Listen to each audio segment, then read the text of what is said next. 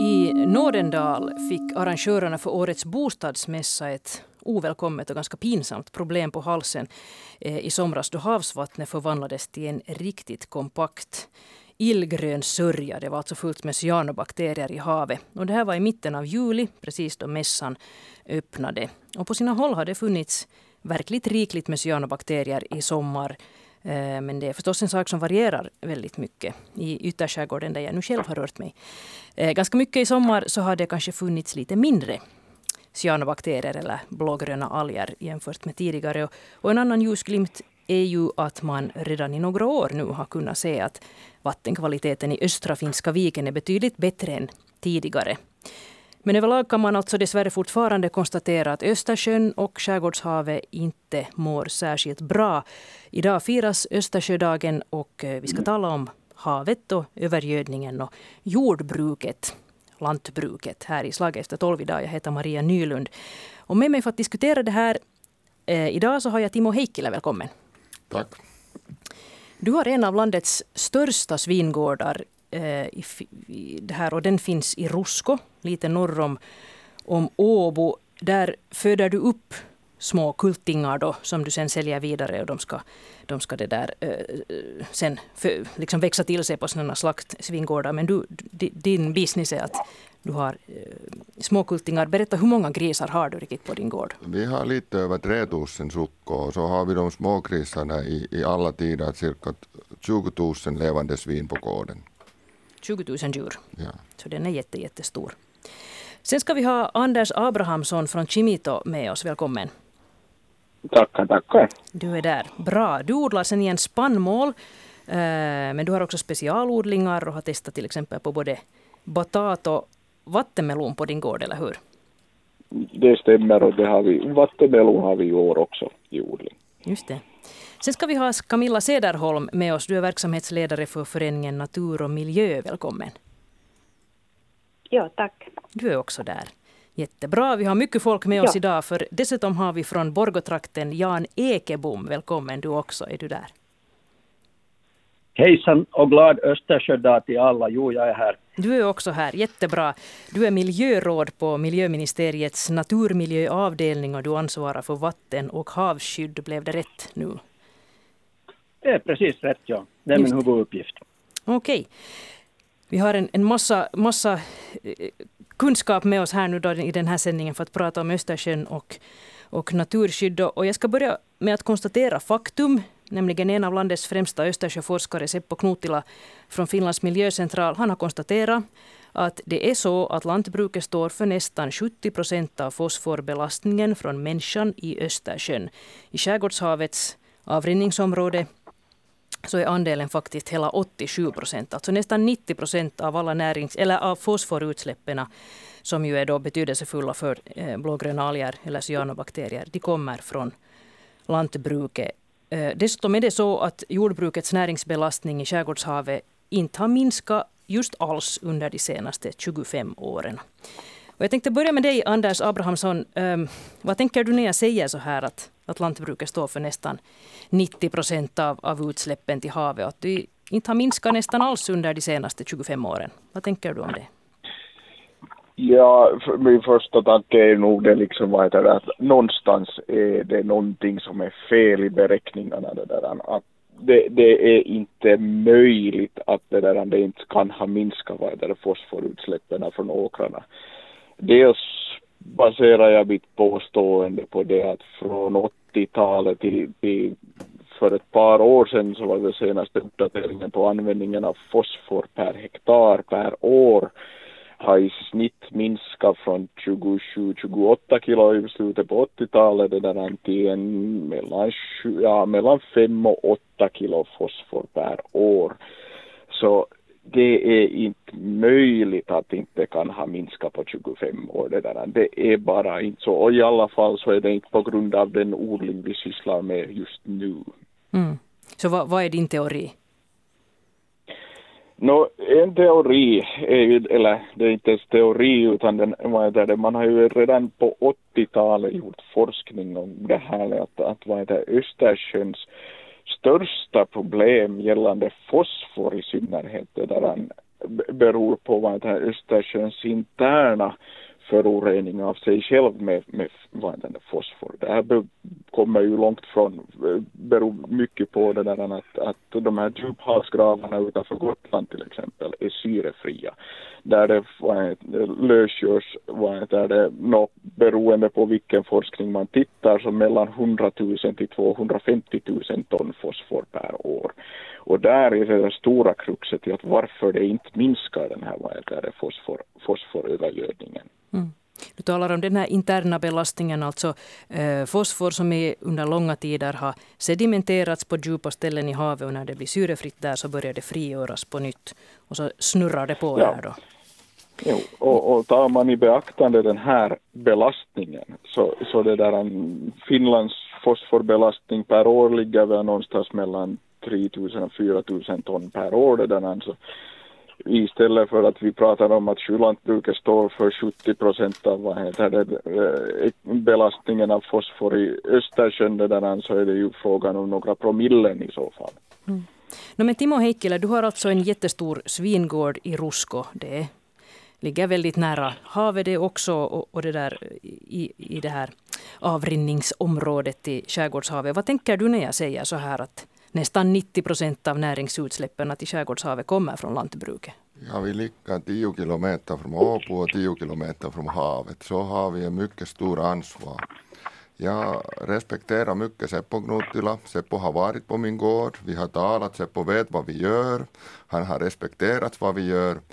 Och, och jag, jag tänker också som Anders Abrahamsson att, att det nära 90 procent hörs mycket hög och det hörs icke korrekt att de har icke minskat. Men, men jag tänker att lantbruket har det största ansvar att göra någonting, att, att det största avrinning kommer från lantbruket. Och Sjögårdshavet är ett mycket sensibla äh, havet. Ja. Mm. Dina grisar producerar helt kolossala mängder gödsel, 25 000 kubik, den här lös grisavföring är det som, som det kommer från din gård. Och det här ska sen spridas ut på åkrar. Eh, hur mycket oroar du dig personligen för Östersjöns tillstånd? Eh, jag oroar mig för det ganska Östersjön och för det Sjögårdshavet. Men jag vet att vad vi har utvecklats i min gård, den fungerar OK. Vi kan ta det fosfor borta och vi transporterade över 100 kilometer till Humpila som är icke på Sjögårdshavets avrinningsområde och då har man mycket låga fosfor på åkrarna. Mm. Du, alltså, du, du, har ett system där du försöker torka upp det här gödslet och så transporterar ni det då från Rusko till Humpila där det sprids på åkrar som behöver gödsel.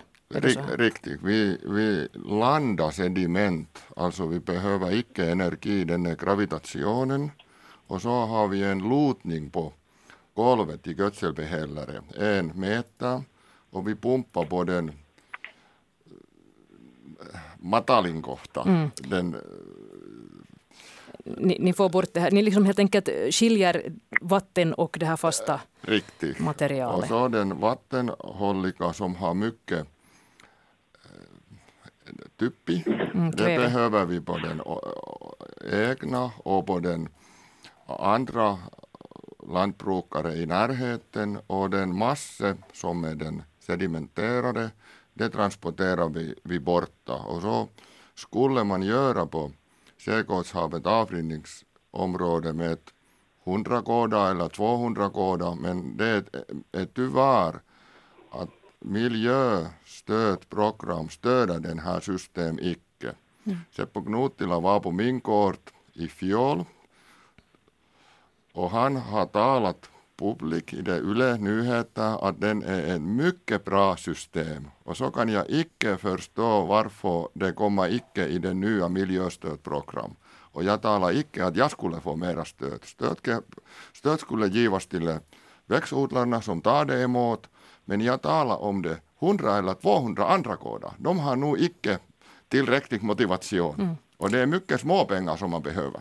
Vi ska komma tillbaka till det här ännu och varför det inte finns med.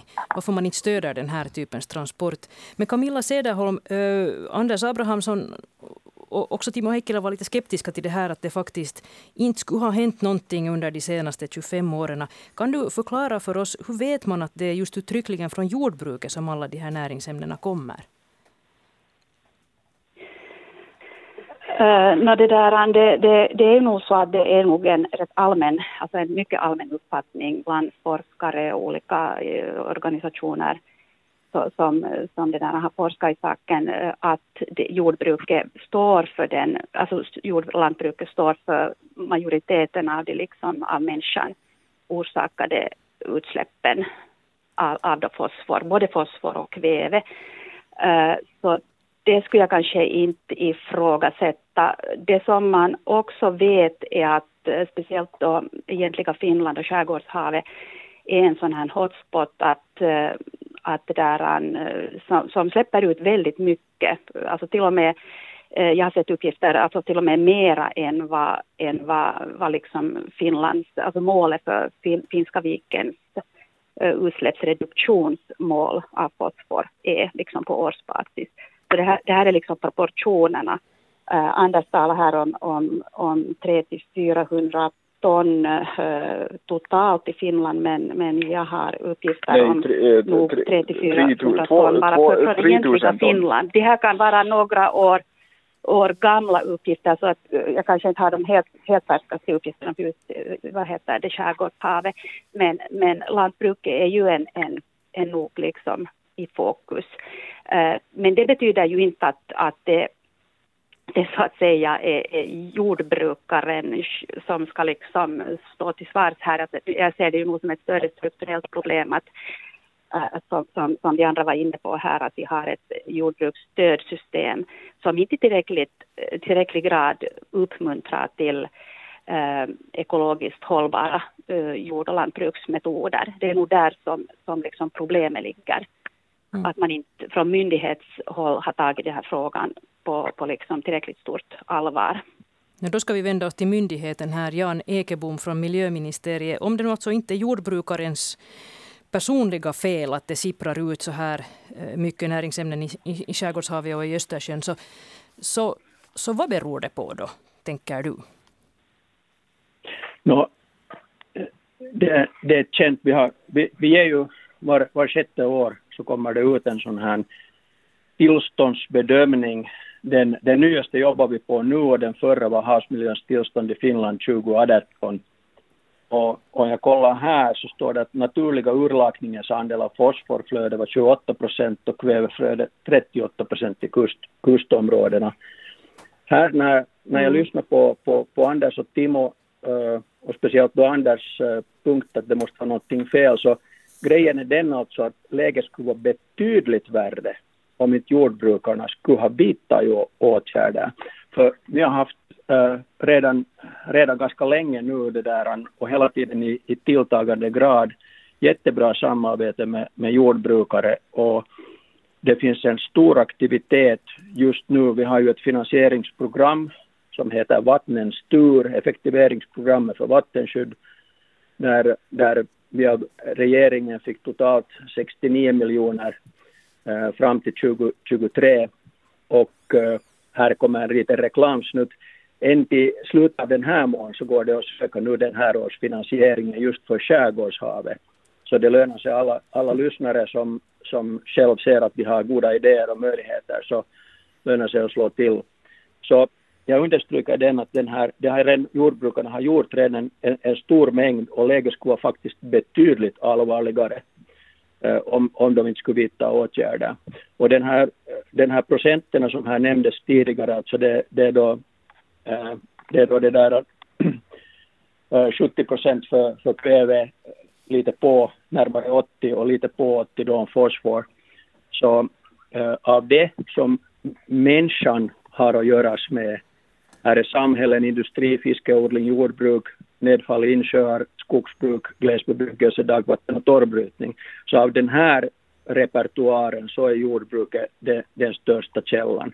Och det är ingenting som på det sättet liksom går att ändra, ändra på, för vi har, vi har faktiskt forskat i årtionden det här, så vi, det är inte så där att vi skulle ha gjort någon räkning här för något år sedan och stannat vid, vid ett enda värde, utan det är ju nog ett, det är nog en, en längre beräkning och det har tittats inte bara av finländare utan det tittas ju inom Helcom-samarbete också det här samma sak och granskas noggrant och det publiceringarna som, i vetenskapliga journaler så de granskas ju också väldigt, väldigt noga så, så inte det är någonting som vi har liksom inbillat oss här. Mm. Men an, ja. det går att göra åt saken. Vad säger du Anders Abrahamsson till, till det här nu som har sagts? Alltså, det, det, här är ju det problemet att man tittar ju på tok för snävt på det här med fosfor, fosforens, vad heter det, cirkulation i Östersjön. Jo, alltså externa belastningen av Östersjön så, är, så kan det nog säkert stämma att jordbruket står för den stora andelen av det. Det är inte frågan om det. Och vi har ju, det har ju gjorts en hel del på gårdarna det där vad det minskat med fosforanvändning. Vi har till exempel på vår gård har vi övergått det till lättbearbetning så att inte mark, markpartiklarna ska vara där åka ner med, med, åka med, med höstregnen där i, i, i, vattendragen och så vidare. Ni, ni plöjer alltså inte? Med problem, nej, inte annat än grönsaksodlingen, det, det, men det är på grund av odlingstekniska skäl, det finns inte riktigt några andra lösningar där, det där, men det är endast, endast det som vi odlar grönsaker på som plöjs. Men det är ju det som är, som är så, hur ska vi säga, irriterande det där att man diskuterar inte här liksom vad heter det, Östersjöns interna cirkulation av fosfor som kommer från de här djupgravarna det där, som är syrefria. Det här till exempel så visste man redan, vad heter det, väntas nu var det 1984 eller 85 det där, så var det Larsson, Elmgren och Wolf det där som gjorde en undersökning och konstaterade där också det där att det har en ganska liten inverkan vad människan påverkar, vad heter det, har näringsflöde dit. Så länge som inte vi får saltpulsar in i Östersjön det där, så kommer Östersjön att mata sig själv med fosfor att det är ju där som det där stora problemet finns, att vi måste åtgärda det, att vad heter det, bottnarna blir syresatta. Mm. Liten in, det har liten betydelse vad människan gör. Vad, vad säger Jan och Camilla till det? Vi börjar med Camilla Cederholm. Om bör... Ja, eller, no, no, Jan, varsågod. Bör... ja, den där, um, du har rätt Anders att, att inre belastningen har väldigt stor betydelse. Och nu när vi så att säga bryter ner problemet och tittar, tittar vad det är frågan om så, så hela, hela den här näringsproblematiken, det är frågan om ett stort område, trots att Östersjön är ett grunt hav, så är det, är det liksom frågan om en väldigt långsam återhämtningsprocess. Att om vi har sedan 50-talet eh, genom verksamhet saboterat Östersjöns tillstånd, både vad det gäller eh, tillfören sen av näringsämnen, alltså eutrofieringen och eh, skadliga ämnen, så är det där att repa sig från det väldigt långsamt. Vi har trots allt haft ljusglimtar, det vill säga punktbelastningen från samhällen, eh, städer och kommuner, så har minskat betydligt och det är därför vi har eh, just för nu om man tittar från 1995 fram till 2019 så har vi en sjunkande trend på kvävebelastningen i, i skärgårdshavet. Fosforbelastningen tyvärr har vi inte, inte eh, möjlighet att se en trend. Det, det ser inte ut att, att bli bättre eller, eller sämre just nu. Men, men där är ju inte åren heller precis lika. Uh, där är ju nederbördsvariationer bland annat och det, det är ju sånt som oroar mig speciellt när det gäller den här återhämtningen att att nu när klimatförändringen ställer till det och vi får mera regn så om inte vi nu åt, åtgärdar det ännu mera än förut så blir det värre. Och då blir det ju liksom frustrerande, speciellt för jordbrukarna som har vidtagit åtgärder, att du inte ser den där förändringen. Du ser inte den snabbt. Politikerna skulle ju gärna vilja inom en fyraårsperiod se eh, liksom fördelar med de åtgärderna, men det går inte så snabbt. Erik Bornstorff har Östersjöprofessorn uh, eh, har sagt att 30 till 100 år tar det för Östersjön att repa sig. Och det säger lite vad det är för tidsskala det är frågan om. Men det är helt klart, det där du nämnde om Gulf på, på början av 80-talet, så den eh, sakta men säkert går det framåt också vad det gäller de här djup, djupområdena som är syrefria. I och med att den förbrukas, de där näringsämnena, så om vi minskar tillförseln av näringsämnen så i något skede tar det slut. det är bara så. Mm. Får jag svara till det här? Ja, varsågod.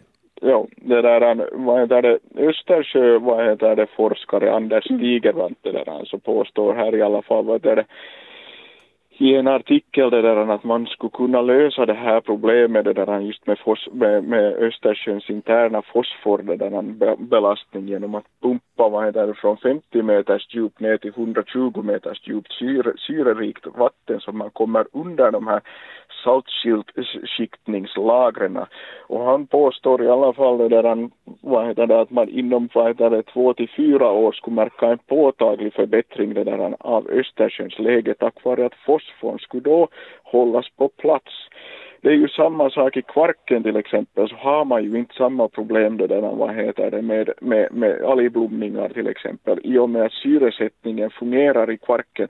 Och då har vi ju ändå vad det Finlands, den här, en av Finlands de här näringsrikaste älvarna det där som kommer ut i Björneborg det där som hämtar ut näringsämnen just uttryckligen till kvarken. Där. Att var, varför kan inte man liksom mm. börja ta och titta på det här problemet från ett annat håll, att mekaniskt syresätta Östersjön?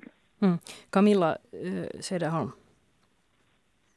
Uh, ja, uh, jag skulle spinna vidare här på vad, på vad det där um, uh, Jan, Jan tog upp. Alltså det stämmer ju att, att det här problemet eh, som vi har idag det är ju att den här förändringen sker ju långsamt. Vi kan ju inte förvänta oss, eller vi, har inte, vi vet idag att vi inte har kunnat förvänta oss snabba förändringar.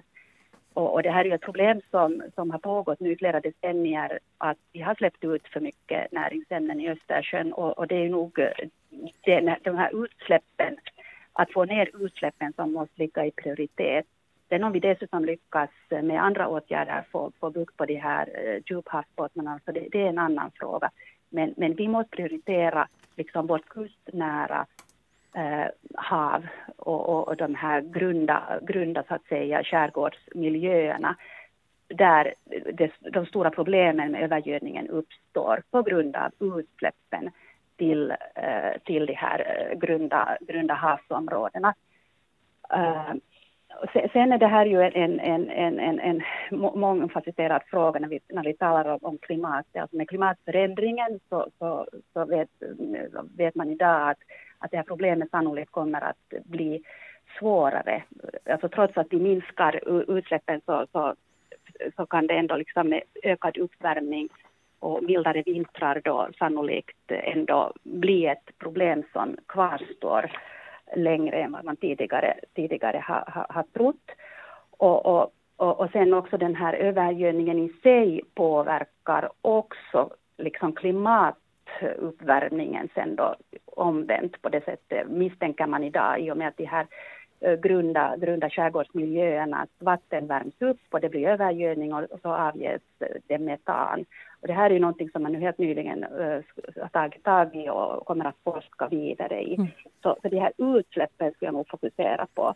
Och, och, och sen det som man ju vet idag, alltså den här stallgödseln är ju också väldigt central eftersom det har visat sig att det, det, det, är svårt att få den att gå liksom, till rätt ställen på grund av de här, de här logistiska problemen och, och att det lätt blir eh, över, över det där gödning med stallgödsel. Mm.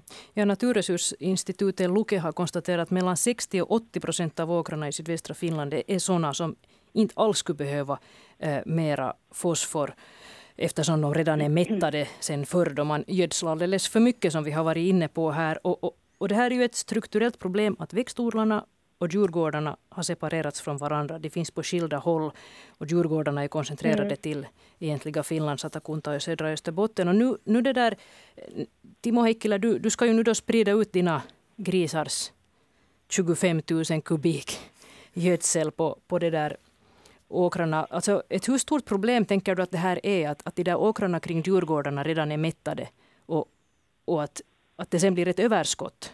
Eh, hur stort problem tror du tänker du att det är liksom för, för just eh, havskvaliteten? När man tänker på histori och både tulevaisuus, framtiden, framtiden är det ett problem och, och det ska vi måste lösas att ta det fosforus borta i närheten av djurgårdarna. Och, och när vi tar den en gång borta och lastar i bilen så skulle de bilen åka borta från Säkåshavets avrinningsområde. Så är det min tänkning. Mm. Hur är det med dina kollegor i, branschen? Alltså, hur, hur, det där, hur tänker man där kring de här frågorna? Alla ser den fråga och alla, alla tar sitt ansvar. Men det är inte lätt när många tänker också att politikerna och de som gör våra miljöreglerna och miljöstödet, de vet bättre. Och så länge den här tekniken finns inte där, så tänker många lantbrukare att Timo är ett propellipää. Ett propellerhuvud ja, som, som transporterar den här gödseln då på och, och, det gör du ju nu. Det här gör du med stöd av John Nurminen-stiftelsen. Eh, Vi har gjort det nu fem år, tre år med egna pengar och nu två år tillsammans med John Nurminen-stiftelsen. Mm. Men får jag fråga nu Camilla Cederholm eller Jan Ekebom, vem, vem av er som nu tänker att ni är mest lämpade att svara. Men, men, men Anders Abrahamsson här säger att, att man har minskat radikalt på, på eh, fosforgödslingen på, på åkrar. Att det, det är ingen vettig människa som öser för mycket, för det är ju dyrt också. Eh, så, så, det där, så där har det ju då minskat. Men, men, men hur avgörande är det, det här att, att man från djurgårdar placerar ut den här gödseln på sådana åkrar som redan har liksom, tillräckligt och att det blir för mycket, ett, över, ett överskott som sen regnar ner i dikena och så här. Hur, hur, hur stor betydelse har det här för, för utsläppen, att, tror du? Camilla? No, jag, kan, jag kan kanske säga, säga här att det stämmer att den här belastningen eh, inom lantbruket av kväve och fosfor, liksom, alltså man har ju gått ner i gödselmängder betydligt. Alltså det, det stämmer att, man, att den belastningen har minskat helt avsevärt sedan 90-talet framåt. Uh, men det där, det är nog antagligen så att de här, den här missmatchen mellan, mellan djurgårdar och växtgårdar är ett, ett betydande problem och att det, det, det då lätt blir överbelastning på grund av den här, att man sprider ut Eh, gödsel. Eh, alltså gödsel, i, i, det, det är bra att vi använder gödsel istället för konstgödsel. Det är ett ekologiskt väldigt bra alternativ. Men problemet är att det liksom eh, borde, borde liksom synkroniseras bättre så att man endast efter behov sprider ut det. Alltså jag, jag, har, jag har en sån uppgift här framför mig om att, att, att, att stallgödseln ofta används för att, för att möta liksom växternas kvävebehov. Uh, medan, medan det då förstås samtidigt finns den här fosforn också i stallgödseln som då liksom kommer på köpet och blir ett överskott. Det här kommer faktiskt från vår egen publikation, Natur och miljö gav ut en färdplan för hållbart jordbruk mm. 2019. Så jag rekommenderar alla att ta del av. Mm. Uh, och, och, det där, så att stallgödseln ser jag nog att det är, liksom i en, en sån här problempunkt. Och där tror jag just att med de här miljöstödsåtgärderna och uh, liksom den här politiska styrningen, där måste, den måste bli bättre. Så att, så att det liksom, uh, den här nuvarande CAP-reformen också, man jobbar ju med den förra året, där var natur och miljö också med i, i arbetsgrupper och, och, och kontentan var ju den att man inte tog beaktande liksom, miljöorganisationernas uh, kommentarer i tillräcklig mån. Mm. En del saker har gått framåt men, men man har inte liksom tagit och det gäller säkert också miljömyndigheternas kommentarer. Uh, mm. Det är ju jord och skogsbruksministeriet där som har, har mycket att säga till om och man, man liksom bara inte tar miljöfrågorna ännu på tillräckligt stort allvar. Det är liksom nog grundproblemet. Mm. Och Timo Heikkilä, du har upplevt detsamma, att det är lite svårt att få, få gehör för det här? Jag tänker samma sätt som Camilla Cederholm, att det är riktigt svårt att använda stallgödsel på rätt sätt. Och det kommer på den saken att den har för höga fosforgehalt. När man gödslar med kväve då kommer det mycket, för mycket fosfor och så måste man tänka att den e-, enda lösningen är särskilja fosfor. Och, och, det måste man stöda. Och nu, nu stöder man det i det nya programmet icke. Det stöder man icke på det GIPS-programmet, icke med det 69 eh, miljoner euro som har Jan Ekebo namnt. Ingen stöda att särskilja fosfor. Och det skulle vara den snabbaste lösningen. Och det fosfor som jag transporterar borta från Säkås avrinningsområde, den är för evighet borta här. gipset är för fem år period, men Jan Ekebom sa att politikerna vill en fyraårsperiod. Jan Ekebom, varför, varför är det här gipset så populärt istället för att till exempel stödja nu då en sån här eh, sak som Timo Heikkilä här förespråkar?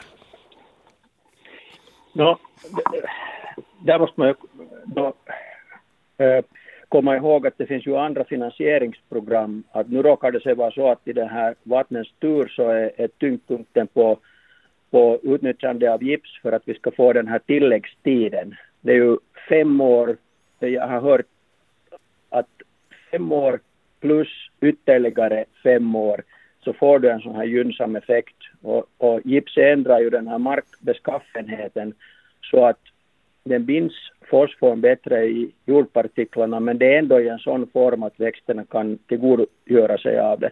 Men ett annat program, och, jag, och nu måste jag säga att jag känner inte till så detaljerna, jag jobbar inte med det här så kallade ravinteiden kierrätys, det vill säga um, det här kretsloppstänket kring, kring näringsämnen, ett sånt här, det här RAKI-programmet, det, eh, det, Timo, det, det lönar sig att kolla huruvida det skulle kunna ge finansiering för, för det här. Jag tycker att uh, när du nämnde ordet propelleripär så tänkte jag för mig själv att nå, jättebra, att det är sådana som behövs. Vi, vi måste få ett innovativt nytänk och jag vet också att folk lyssnar på dig så du har också en, en du är en sån här samarbetskompis med myndigheterna som vi gärna har därför att vi kommer inte att fixa Östersjön om inte vi fixar det tillsammans. Det är frågan om samarbete och eh, där vågar jag påstå att miljömyndigheterna på de passerade tio åren, speciellt de passerade fem åren, sista fem åren, har haft väldigt gott samarbete med, med direkt med jordbrukare via projekt. Jag har själv varit övervakare i två. Ett var där i Ingotrakten och Sjundeå-trakten som heter 4K-projektet hette det. Det är avslutat numera. Och det andra var Aseborgs och i bägge projekten så testade de användning av gips, strukturkalk och fiberslam. De testade också äh, äh, restaurering av, av äh, diken så att åkrarna hålls torra och inte översvämmas. Där kom bland annat tvåstegsdiken med och erosionsskydd. Och, och de, sådana här åtgärder, Anders, hade inte gjorts i tillräcklig ska, äh, liksom skala. Så att där hoppas vi att få få ännu bättre liksom genomfört sådana här åtgärder för att sen när den här gipseffekten tar slut så är vi i sticket sen igen. Mm. Så att det den här erosionen har väldigt stor betydelse och det, det är delvis därifrån som det kommer också pro, problem ännu i vattendragen och, och, och sen i sista hand i, i Östersjön. Mm. Ja, det här gipset är ju verkligen på, på, på frammarsch här nu. I fjol så var det egentliga Finland som stod i fokus. Men nu, nu ska väldigt många åkrar gipsas eh, längs hela kusten, väl mer eller mindre. Det här är eh, väl frivilligt och det är dessutom mer eller mindre gratis för jordbrukaren. Men Anders Abrahamsson, jag har förstått att du är ganska skeptisk till det här gipsprojektet. Problemet med gipset är det att, att den har en förmåga att lösa, lösa upp vad heter det, magnesium. Och magnesium är en sån sak som är väldigt stor bristvara det där, i synnerhet längs med kusten här. Det där. Vi kalkar ju till och med med dolomitkalk det där, uttryckligen för att få mera magnesium i åkrarna. Det där. Och vad heter, man börjar vi använda det här gipset och vad heter, på det viset lakar ut vad heter magnesium så får vi återigen en, en, en bromsande effekt på vad heter det, växternas tillväxt det där, vilket har varit ett problem det där också. Här på Kinnitojen och ute i skären det där så är magnesium en bristvara det där och använder vi då gipset i det här så förvärrar vi det problemet. Och på det viset så får vi liksom en näringsämneströskel som, som helt enkelt minskar skördarna. Och ju sämre skördar vi får desto sämre och använder vi näringsämnena som vi sätter dit annars också. Det där.